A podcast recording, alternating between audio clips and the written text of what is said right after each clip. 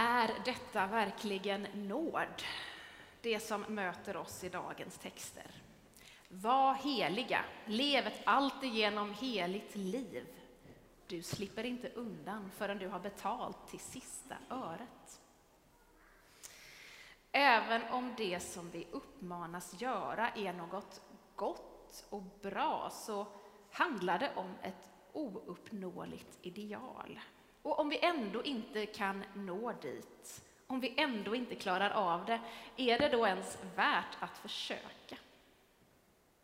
Kanske är det den här sortens bibeltexter som får människor att ge upp redan innan de börjat.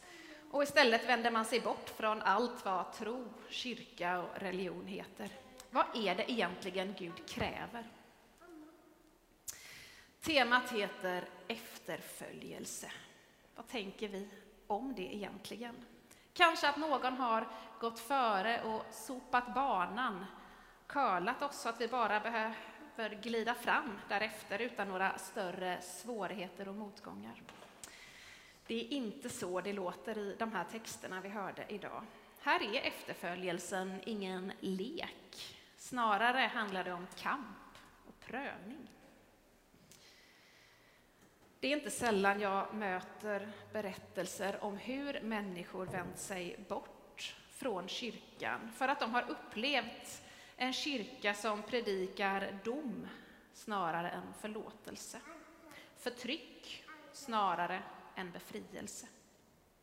Kanske är detta inte alla gånger vad som verkligen har sagts därifrån predikstolen, men det var vad som togs emot i kyrkbänken. Och inte undra på att människor då blivit rädda och känt att om Gud är sådan, då är detta ingenting för mig. Men när jag får höra de här berättelserna så finns det ofta en fortsättning. Så var det ju förr, så är det inte idag. Och nog är det så att kyrkan har försökt tvätta bort den där stämpeln av att vara sträng. Men kanske tenderar man då ibland att hamna i det motsatta diket, där nåden förkunnas på ett sådant sätt att vi kanske rent av tenderar att närma oss det som teologen Dietrich Bonhoeffer kallar för den billiga nåden.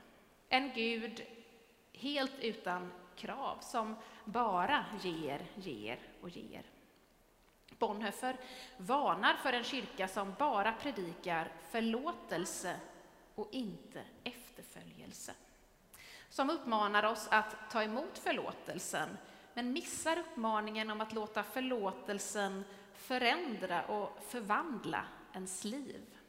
Och det, menar Bonhoeffer, det är en nåd som är billig. Den dyra nåden däremot, det är en tro där nåden, det vi får ta emot, får konsekvenser för hur vi lever våra liv.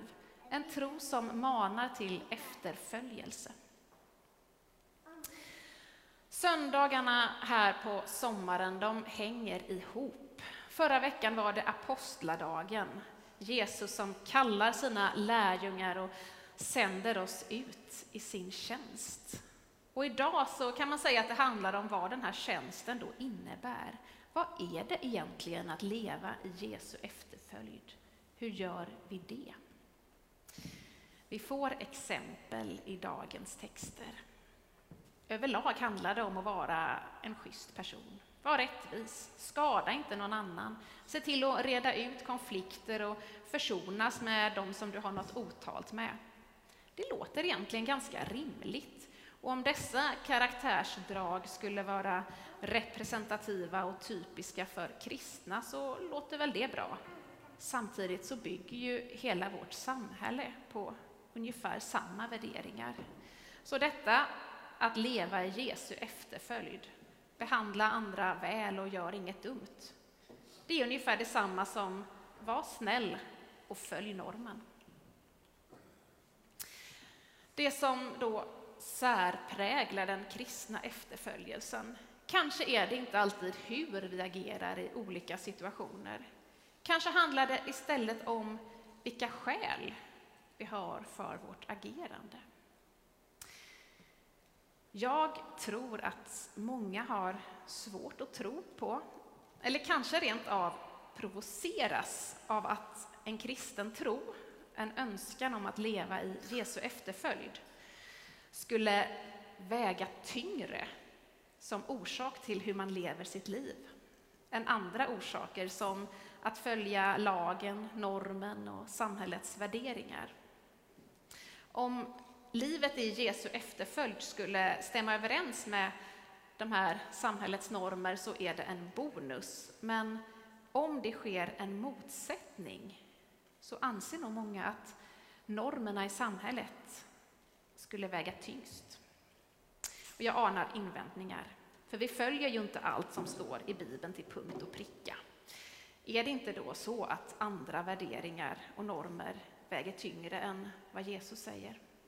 Men bara för att man inte läser Bibeln bokstavstroget så betyder det inte att man bara läser de delar som bekräftar ens gudsbild och stämmer överens med de egna värderingarna och normerna. Bibeln behöver tolkas som helhet, med Jesus i centrum och med hänsyn till det egna samvetet, där vi någonstans tror att Anden verkar och leder oss. Det handlar inte om att försöka få Jesus och hans budskap att passa in i mina ramar, som jag själv definierar, utan om tron på en levande Gud som verkar än idag och som leder oss, både oss som individer och som kyrka. Så handlar då den kristna efterföljelsen om att motivera sina goda intentioner med att de sker i Jesu efterföljd. Vad blev det i så fall av den där heligheten som vi hörde om i gammaltestamentliga texten och episteltexten? Ni ska vara heliga, ty jag, Herren er Gud, är helig. Hur förstår vi det? Hebreiskans ord för helig i ursprungstexten, kadosh heter det, och kan också översättas med avskild. Det som är heligt är avskilt, annorlunda. Så här förstår Gamla testamentet till exempel sabbaten, vilodagen. Den är helig och därför ska den vara annorlunda mot veckans övriga dagar.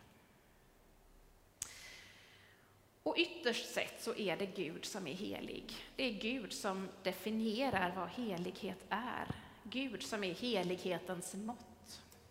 Människans helighet blir ett sätt att bejaka att hon är skapad till Guds avbild.